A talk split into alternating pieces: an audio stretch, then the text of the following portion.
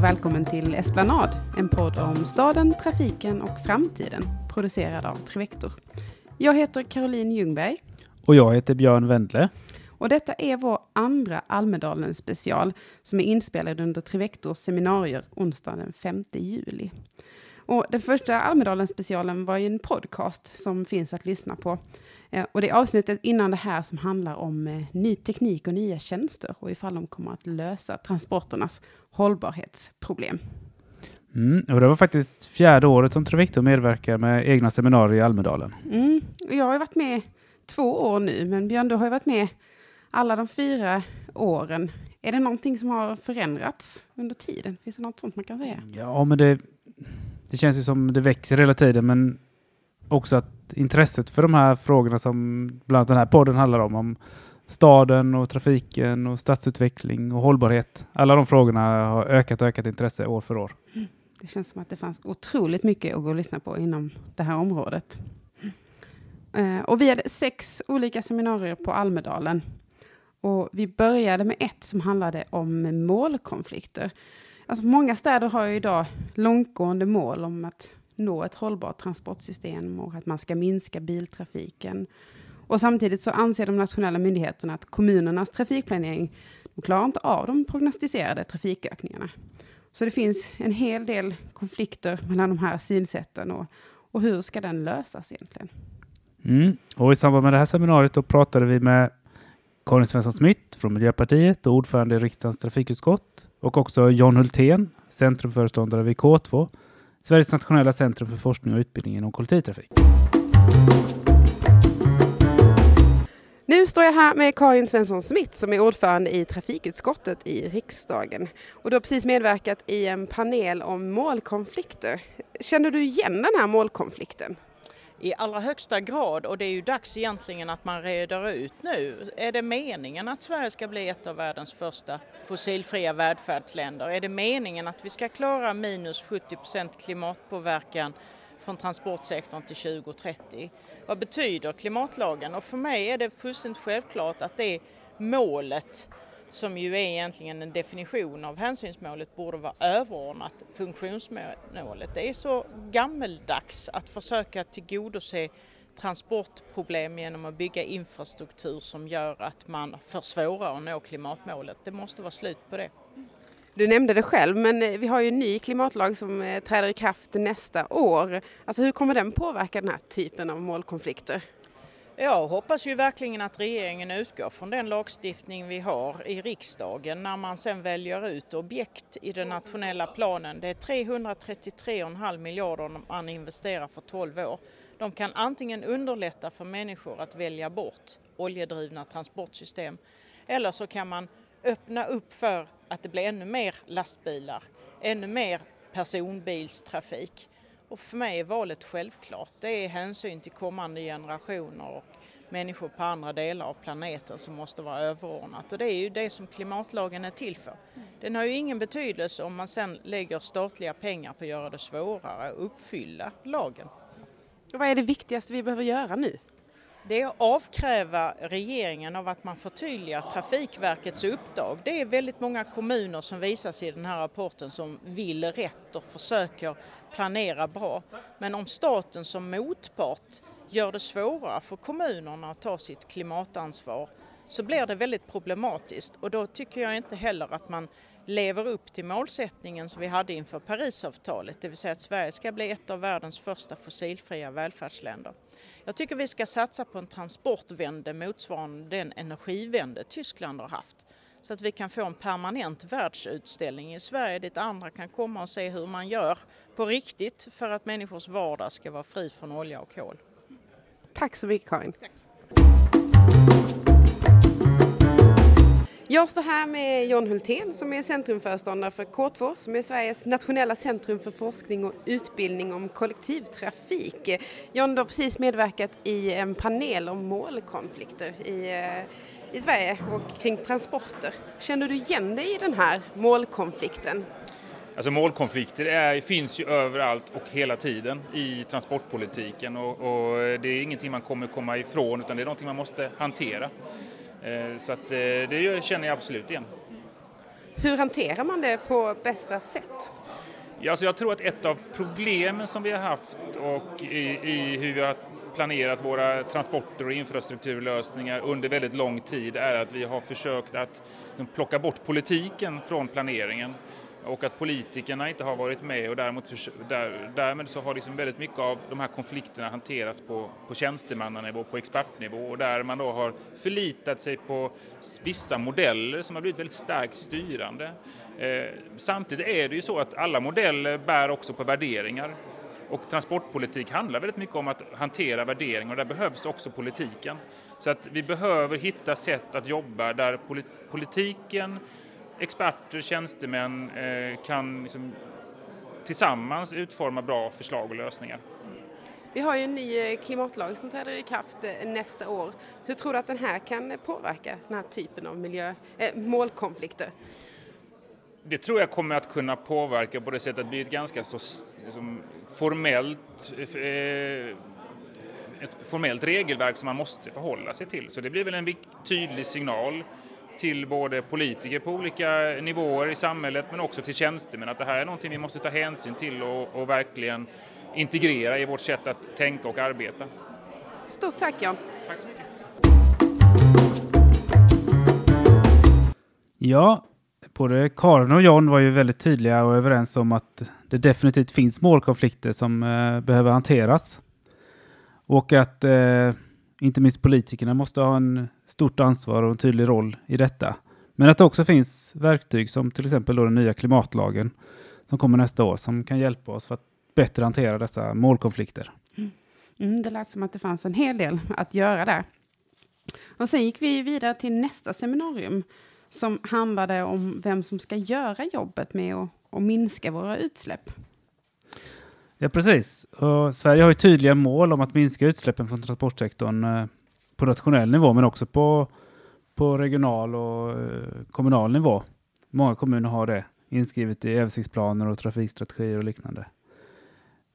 Samtidigt är det så att en ganska stor del av resandet görs av en ganska liten andel av befolkningen. Och vad betyder det? Vem kan egentligen förväntas göra de här ansträngningarna som måste till? Mm. Under det här seminariet så pratade vi med Svante Axelsson som är nationell samordnare för Fossilfritt Sverige och Carola Altsén som är VD för Mälarhamnar. Då står jag här med Svante Axelsson som är nationell samordnare för Fossilfritt Sverige. Eh, och du ska medverka i en panel nu om vem som ska göra jobbet, alltså om svenska folkets ohållbara resvanor. Vem ska göra jobbet?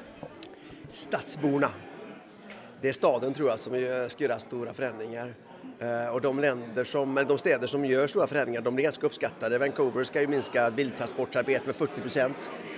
Eh, landsbygden får nog ha sin bil och köra ganska mycket som förut men städerna kan ju egentligen lämna bilen. Eh, och där tror jag vi ser de största förändringarna och det, det blir också en hälso och bullerpolitik så att säga. Så det är ingen primär klimatpolitik utan det finns win-win-win mellan olika intressen. Och vilka åtgärder är det som krävs för det här? Det är ju att man måste ge goda alternativ för de som inte ska köra bil. Eh, så jag tror man måste bygga ut först innan man säga, tränger undan eh, bilarna. Så att det måste investeras i cykelvägar, i bra kollektivtrafik, ändra parkeringsnormer, Eh, ta bort subventioner. Eh, arbetsgivarna kan gynna cykel på olika sätt. Det finns en palett av åtgärder. Eh, men i grunden måste det vara att man tränger undan bilen från gatuutrymmet i parkeringsplatser och även i filer och sånt och ger plats för elbussar, el, järn, alltså spårvagnar, gång, cykel och det kommer att uppskattas. Vilket är det roliga att det här är efterlängtat. Stort tack Svante! Nu så står jag här med Carola Alsen som är VD för Mälarhamnar och eh, nätverket Jämställdhet. Eh, du har precis varit med i en panel om vem som ska göra jobbet om våra ohållbara resvanor i eh, Sverige. Vem ska göra det här jobbet? Till syvende och sist kommer det att eh, komma ner på den enskilda individen. Eh, vi, vi, kommer inte att åstadkomma förändring om inte, om inte alla har kunskap och om inte alla vill. Eh, och alla måste vilja, eh, för annars så kommer vi inte att klara klimatmålet och vi kommer heller inte att ha en infrastruktur som håller. Eh, men det som är intressant i, i den här studien som, som just eh, nu eh, visades, det är också att det är, är 25 procent av befolkningen, eller manliga befolkningen, som står för 90 procent av det dåliga beteendet. Och det dåliga beteendet sker på fritiden. Det är en stor nyhet för mig eftersom jag har varit helt övertygad om att det är arbetspendlingen som är, är så att säga, det stora åtgärdsbehovet, att det är där det, det finns. Mm. Och vilka åtgärder är det som krävs i det här jobbet? Det vi pratat om det är ju eh, vi, vi, vi, behöver komma åt eh, den äldre generationen eller medelålders och uppåt som idag beter sig fel. Eh, men vi behöver också fortsätta jobba på eh, den inväxande generationen, alltså ungdomarna som under den här tidsperioden kommer att bli medelålders. Så eh, åtgärder eh, jag skulle säga att fortsatt eh, fortsatt borra ner i den informationen som finns här. Vad, för det, det den här studien visar är ju tydliga skillnader också mellan män och kvinnor i, i, i värderingar. Vad, vad, är i grund och botten värderingsskillnaden? Eh, för att kunna påverka rätt. Eh, men eh, jag, jag, tror eh, tyvärr att, att eh, vi måste in i olika former av styrmedel. Eh, så länge som det är eh, lätt att göra fel, eh, det är för billigt att göra fel, eh, så tror jag att, att det är det man kommer att fortsätta välja att göra. Så att st ekonomiska styrmedel, men också eh, resonerade vi i panelen, och den uppfattningen delar jag, att det måste också löna sig att göra, eh, att, att, göra rätt. Så dyrt att göra fel och, och, och det lönar sig att göra rätt. Så, så då pratar vi ju både om, om så att säga, ekonomiska styrmedel Eh, i form av kosta pengar att göra fel, olika former av incitament, det vill säga man tjänar på att göra rätt. Så plus och minus i, i plånboken. Stort tack! Mm, här hade man ju lite olika tankar om vem det är som ska göra det här stora jobbet. Eh, och Svante menade att städerna har, har det största jobbet att göra eh, och att det är de som måste se till att det finns goda alternativ och att möjligheten finns att cykla och åka kollektivt. Eh, medan Carola menade på att det här är den enskilda individen som spelar en stor roll. Och att var och en måste vilja och man måste förstå vilka åtgärder det är som krävs. För att annars kommer vi inte klara klimatmålet. Och efter det seminariet så gick vi vidare med det som du höll i Caroline, om svenska städers transportsystem och om de är i fas med våra hållbarhetsutmaningar. För ofta är det så att det framhålls att städerna går före i utvecklingen, är bättre än nationerna. Men stämmer detta verkligen? Och bidrar de svenska städerna till Sveriges klimatmål? Och vilken svensk stad är egentligen bäst på hållbara transporter 2017? Här pratade vi med Carolina Skog, miljöminister, eh, och Åsa Karlsson Björkmarker, ordförande på Eclay Europe och kommunalråd i Växjö. Jag står här med eh, miljöminister Carolina Skog eh, som ska medverka i ett seminarium om de svenska städernas transportsystem och om de är i fas med våra hållbarhetsutmaningar. Alltså, utvecklas transportsystemet i takt med våra hållbarhetsutmaningar? Idag gör det inte det. Utvecklingen går åt flera delar i fel håll.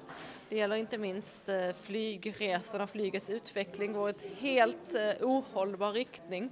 Men vi har också mycket kvar att göra faktiskt vad gäller transporterna även inom städerna. Och vilka är de största utmaningarna för att städerna ska kunna bygga ett hållbart transportsystem? Ja, det är ju att vi har låtit ett transportslag dominera infrastrukturen och ta upp enormt mycket yta eh, i våra städer och det är ju bilen. Eh, och det har ju blivit normgivande och där behöver vi skruva om eh, och öppna upp och ge plats eh, åt de andra och de mer hållbara transportslagen. Mm. Och vilka åtgärder måste vi då prioritera för att vi ska klara målen? Vi har ju en ny klimatlag som vi ska klara målen i också. Vilka är, vilka är de viktigaste åtgärderna nu? Jag tänker att dels kan man börja där det faktiskt är enkelt. Varför inte börja med de korta resorna som går att ställa om till gång och cykel. Eh, sen behöver vi investera kraftfullt i eh, kapacitetsstark kollektivtrafik. Eh, och sakta men säkert ge yta eh, bort från bilen till de mer hållbara transportslagen. Och sen samtidigt jobbar vi självklart med att ställa om inom, alltså nya bilar, nya bränslen. Det behöver ju ske parallellt. Tack så mycket. Nu står jag här med Åsa Karlsson Björkmarker som är ordförande på E-Clay Europe och kommunalråd i Växjö. Och du har precis varit med i en panel som handlar om de svenska städernas transportsystem och om de är i fas med våra hållbarhetsutmaningar. Alltså utvecklas transportsystemet i takt med våra hållbarhetsutmaningar? Alltså både ja och nej. Alltså på frågan om vi har ett hållbart transportsystem idag så är det ju lätt att svara nej det har vi inte. Men om det utvecklas, jo det gör det. Går det i takt? Näppeligen kanske. Och vilka är de största utmaningarna nu för att städerna ska kunna bygga ett hållbart transportsystem? Alltså de största utmaningarna är väl snarare att försöka få till ett ny form av transportsystem. Många städer runt om i Sverige och Europa är byggda kring bilen med bilen som norm. Och nu måste vi ändra på det och det har inte bara med hållbara transportsystem att göra utan det har också med städers attraktivitet. Jag känner få som gärna sätter sig på en parkeringsplats och dukar upp en picknick. Nej, för det är inte särskilt attraktivt. Nyckeln till hållbara transportsystem det är egentligen hållbara och attraktiva städer. För då fokuserar vi på gång, vi fokuserar på cykel och på kollektivtrafik. Sen kommer självklart bilen vara en del i det, men det kan inte vara den bärande delen i vårt transportsystem längre. Och vilka är då de åtgärderna som vi måste prioritera nu? Vi måste prioritera så att det blir lätt att göra rätt. Vi måste prioritera åtgärder som gör det lättare att gå, cykla och ta kollektivtrafiken framför sin egna bil. Vi kanske till och med måste göra det svårare för bilen. Stort tack! Tack!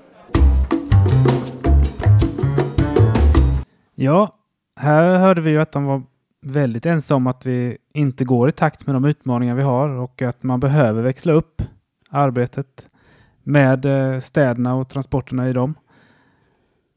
Och att eh, man behöver ge mer plats för de hållbara transportslagen eh, och prioritera åtgärder som faktiskt gör det lättare att använda gång, cykel och kollektivtrafik framför allt. Mm. Under det här seminariet delade vi också ut ett pris till den kommun som är bäst på hållbara transporter i Sverige. Eh, och det bygger på en årlig ranking som kallas för Shift. Och vill du veta mer om den så finns info på Trivectors hemsida. Och det här har vi gjort samtliga år som vi medverkat i Almedalen. Och, och, tidigare så har Lund vunnit två gånger och Malmö har vunnit en gång. Och i år så var det återigen Lund som eh, vann. På tredje plats kom Malmö och på andra plats kom Stockholm. Björn, du har ju arbetat en hel del med Lund. Alltså, vad är det som gör att de lyckas gång på gång? Alltså det som Lund är duktiga på, det är ju, eller vinner på, det är att de är bra på mycket, helt enkelt. Mm. Eh, och att de har arbetat med de här frågorna och sån här eh, hållbar transportplanering under lång tid. Eh, och för det arbetet har man ju också en bra strategi för sitt transportsystem, kallad Lundamats, som man hela tiden utgår ifrån. Mm. Så långsiktigt arbete så att säga. Absolut. Mm. Det finns en hel del att lära från Lund. Mm. Sen var det dags för nästa seminarium som handlade om eh, fastighetsbranschen och om de har något ansvar för resor och transporter. Så det blir allt vanligare att det ställs krav på fastighetsägare att ta ett större ansvar för de resor och transporter som användare av fastigheten genererar. Och ofta finns det önskemål om färre bilparkeringsplatser och olika miljöcertifieringar börjar också inkludera mobilitet. Och då funderade vi på hur ser branschen på detta? Mm, och då har vi fått med oss två gäster som eh, båda är mycket väl insatta i fastighetsbranschen och intresserat sig för transportfrågor också. Och det var Cecilia Ehrenborg Williams, VD på Sweden Green Building Council och Johan Bra, på VD på Sölvesborgshem. Nu så står jag här med Cecilia Ehrenborg Williams som är VD för Sweden Green Building Council. Och du har precis varit med i en panel som handlar om fastighetsbranschens ansvar för resor och transporter. Alltså vilket ansvar har fastighetsägaren att bidra till smarta och hållbara mobilitetslösningar? Ja, jag och, och, min organisation tycker att eh, de har ett jättestort ansvar och framförallt då när det gäller nybyggnad och, och nyprojekt där det givetvis är lättare än att justera eh Eh, gamla beslut. Eh, men det finns ju mycket kraft och kreativitet att ta till där och det tycker jag vi ser tecken på både i den kommersiella delen av branschen och, och byggnad för bostäder.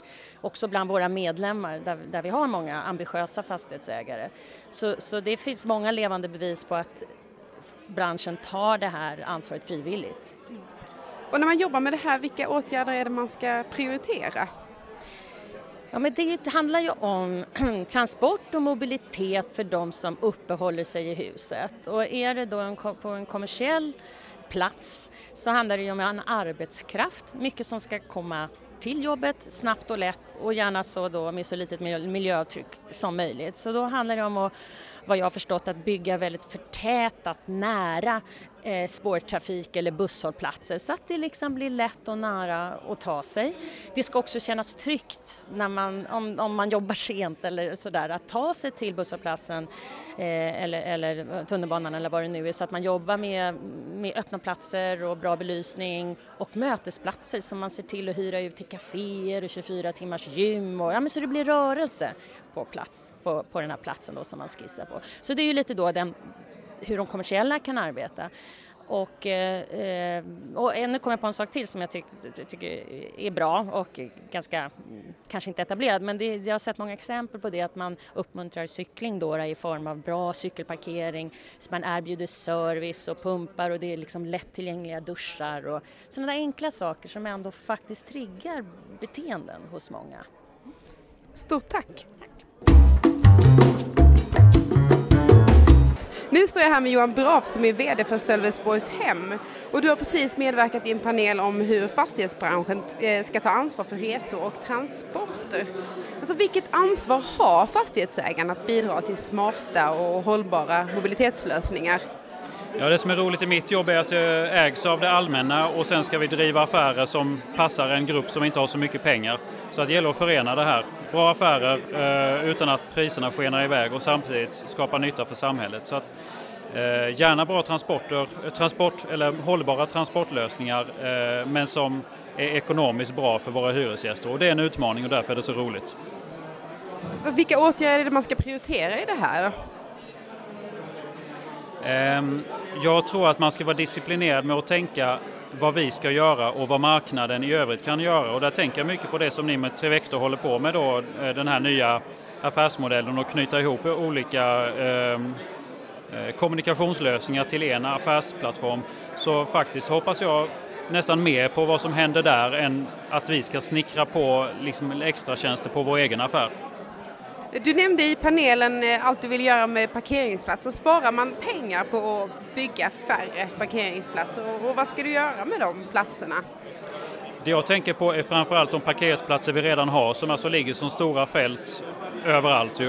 Eh, och får vi då eh, ett minskat bilägande i synnerhet genom självkörande bilar där vi inte äger bilarna så tror jag att vi har stor markreserv som vi kan bygga på. Då är redan tomten betald så att jag tror att det kan bli, det kan bli fin stadsbyggnad men också bra för våra hyresgäster som ju inte har de som har mest pengar i samhället. Stort tack Johan! Det finns ju en hel del för fastighetsbranschen att göra när det kommer till hållbara transporter, fick vi höra i det här seminariet. Men att det också är viktigt eh, för branschen och för dess kunder att de här åtgärderna också är ekonomiskt effektiva och inte fördyrar boendet eller hyran. Eh, och när det kommer till åtgärder så var båda två inne på att det här med att använda mark effektivt och förtäta och liknande är ju ett sådant sätt att jobba både ekonomiskt och miljömässigt eh, hållbart och kanske då omvandla miljöer. Eh, men att det också kan vara enkla saker som eh, förändrar människors beteende som fastighetsägaren redan gör och skulle kunna göra ännu mer. Mm, den här affärsmodellen som Johan nämnde att vi på Trivector jobbar med, vad är det för något? Vi kallar det EasyToBe som ska vara en samlad mobilitetstjänst för fastigheter där boende och hyresgäster får tillgång till olika slags mobilitetstjänster som en del av det boende de har och eh, som ska göra det möjligt att slippa egna egna fordon utan istället använda de här tjänsterna. Mm. Spännande. Och slutligen under dagen så höll vi i ett välbesökt seminarium om elcykling. Det är ju någonting som blivit oerhört trendigt på senaste tiden. Och allt fler väljer idag elcykel. Och trenden är att det ska vara snabbare och starkare och större elcyklar. Och, och varken lagstiftningen eller myndigheterna eller tillverkarna eller användarna händer, hänger riktigt med på vad det är som, som händer. Alltså vad är egentligen en elcykel? Och så här lyfte vi utmaningar och diskuterade eh, möjligheter och eh, lösningar helt enkelt. Och även här fick vi chansen att prata med mycket kompetenta gäster. Och bland dem hade vi Lars Strömgren, ordförande i Cykelfrämjandet, Maria Kraft, måldirektör från Trafikverket och Erik Stegell, kollega till oss på Utrevektor och också forskare inom cykling, aktiv mobilitet och hälsa. Nu står jag här med Lars Strömgren som är ordförande för Cykelfrämjandet. Och du har precis varit i en panel om elcykling och om det är ett fenomen att ta på allvar. Är det det? Ja, det som är så roligt med elcykling det är att medan vi pratar om elbilen så köper folk elcyklar. Elcykelförsäljningen har ökat jättemycket varje år. 2015 30 000 i Sverige, 2016 45 000 och nu ser vi ytterligare en ökning. Så att allt fler människor skaffar elcykel. Så det är väl på ett sätt ett tecken på att vi behöver ta det på allvar. Då behöver vi inse att vi behöver satsa mer på infrastruktur och vi behöver ha kanske att man styr om eh, supermiljöbilspremien och andra stöd som idag har gått till eh, fordon som ska få folk att köra mindre bil. Och om det nu det här är det som, som behövs så tycker vi att det borde finnas stöd till elcykling. Och vilka vinster kan elcyklingen ge? Ja, det är flera vinster för individen så är det ju att många som skaffar elcykel väljer att cykla oftare och längre. Eh, då får man hälso, hälsovinster, man tar sig fram snabbare till jobbet. Det blir ju eh, mycket yta kan frigöras vid arbetsplatser och man slipper parkeringsytor och, och, så att det finns väldigt, väldigt stora fördelar och särskilt också eftersom elcykeln kan passa ehm, eh, inom näringslivet om man har leveranser eller, eller olika typer av, av mindre transportbehov så kan elassisterade lastcyklar vara, vara jätteviktiga och, och bidra till en mycket trevligare innerstadsmiljö. Och vad är det viktigaste att tänka på då nu när antalet elcyklar bara blir fler och fler? Att bygga ut infrastrukturen så att man kan köra om på cykelbanan så att det inte finns det man kallar konfliktdesign utan att man hela tiden vet var man ska befinna sig och hur man gör om, om man ska korsa en väg och så vidare. Sen tror jag att både staten och arbetsgivare behöver eh, stödja det här ännu mer. Det finns något som heter förmånscyklar där eh, kommuner kan erbjuda cyklar till sina anställda och det är någonting som är ett ganska, en ganska lågt hängande frukt för, för eh, stora kommuner eller andra företag att stödja att, att personalen blir friskare. Det är ju inte bara bra för dem själva utan även för företaget och vinst och, och lönsamhet och sånt. Stort tack Lars! Då står jag här med Maria Kraft som är måldirektör på Trafikverket och du har precis medverkat i en panel om elcykling och om det är ett fenomen att ta på allvar. Är det det?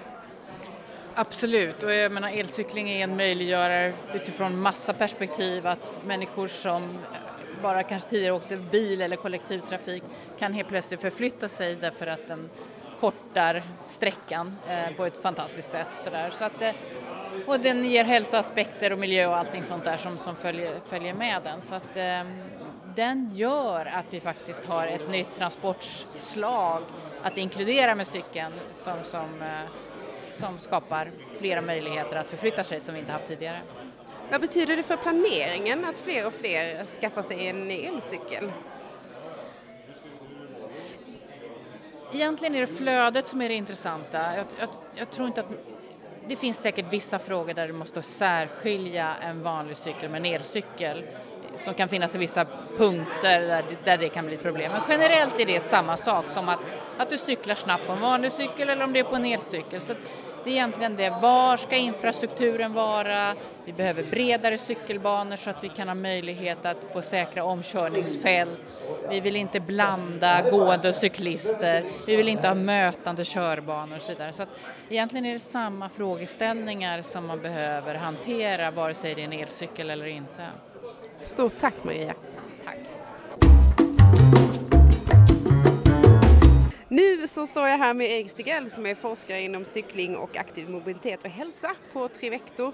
Och du har precis medverkat i en panel om elcykling och om det är ett fenomen att ta på allvar. Är det det? Det är det i högsta grad. Det ger ju mycket längre räckvidder för, för cyklingen och, och cyklingen kan ta mer marknadsandelar för arbetspendling och, och fritidsresor och allt möjligt. Jag tror det är en lyft för cyklingen. Mm. Och vilka vinster kan den här elcyklingen ge? Det är att man kan ersätta mycket biltrafik tror jag. En del bilresor som, som är ganska korta. Och, ja, och det dessutom att det kan användas för resor där man inte vill bli svettig eller folk som har lite svagare ben och sådär. Så, så det har en stor potential. Alltså, vad är det viktigaste att tänka på nu när antalet elcyklar blir fler och fler? Behöver man tänka annorlunda? Ja, man behöver nog eh, rusta upp infrastrukturen så att, man, så att den verkligen klarar av den här högre medelhastigheten och att även att man kan cykla sammanhängande eh, och tryggt i de här större eh, regionalt och att, att här, man kan verkligen dra nytta av den här längre räckvidden som elcykeln har, att, att eh, infrastrukturarbetet hänger med. Tack så mycket Erik. Ja, elcykeln verkar ju verkligen vara på framfart. Och Lars önskan om bidrag även för elcykling var ju något som regeringen la fram i sin höstbudget för bara några dagar sedan. Så här kommer det nog hända väldigt mycket framöver. Och det var allt vi hade från detta årets Almedalsvecka. Och har du några förslag på någon du skulle vilja höra i ett nytt avsnitt av Esplanad framöver så hör av dig till esplanad.trivector.se. Vi hörs snart i ett avsnitt med en ny spännande gäst. Hej då! Hej hej! Vill du veta mer om podden eller om Trivector? Besök då trivector.se. Och har du tips eller tankar om podcasten? Hör av dig till esplanad.trivector.se.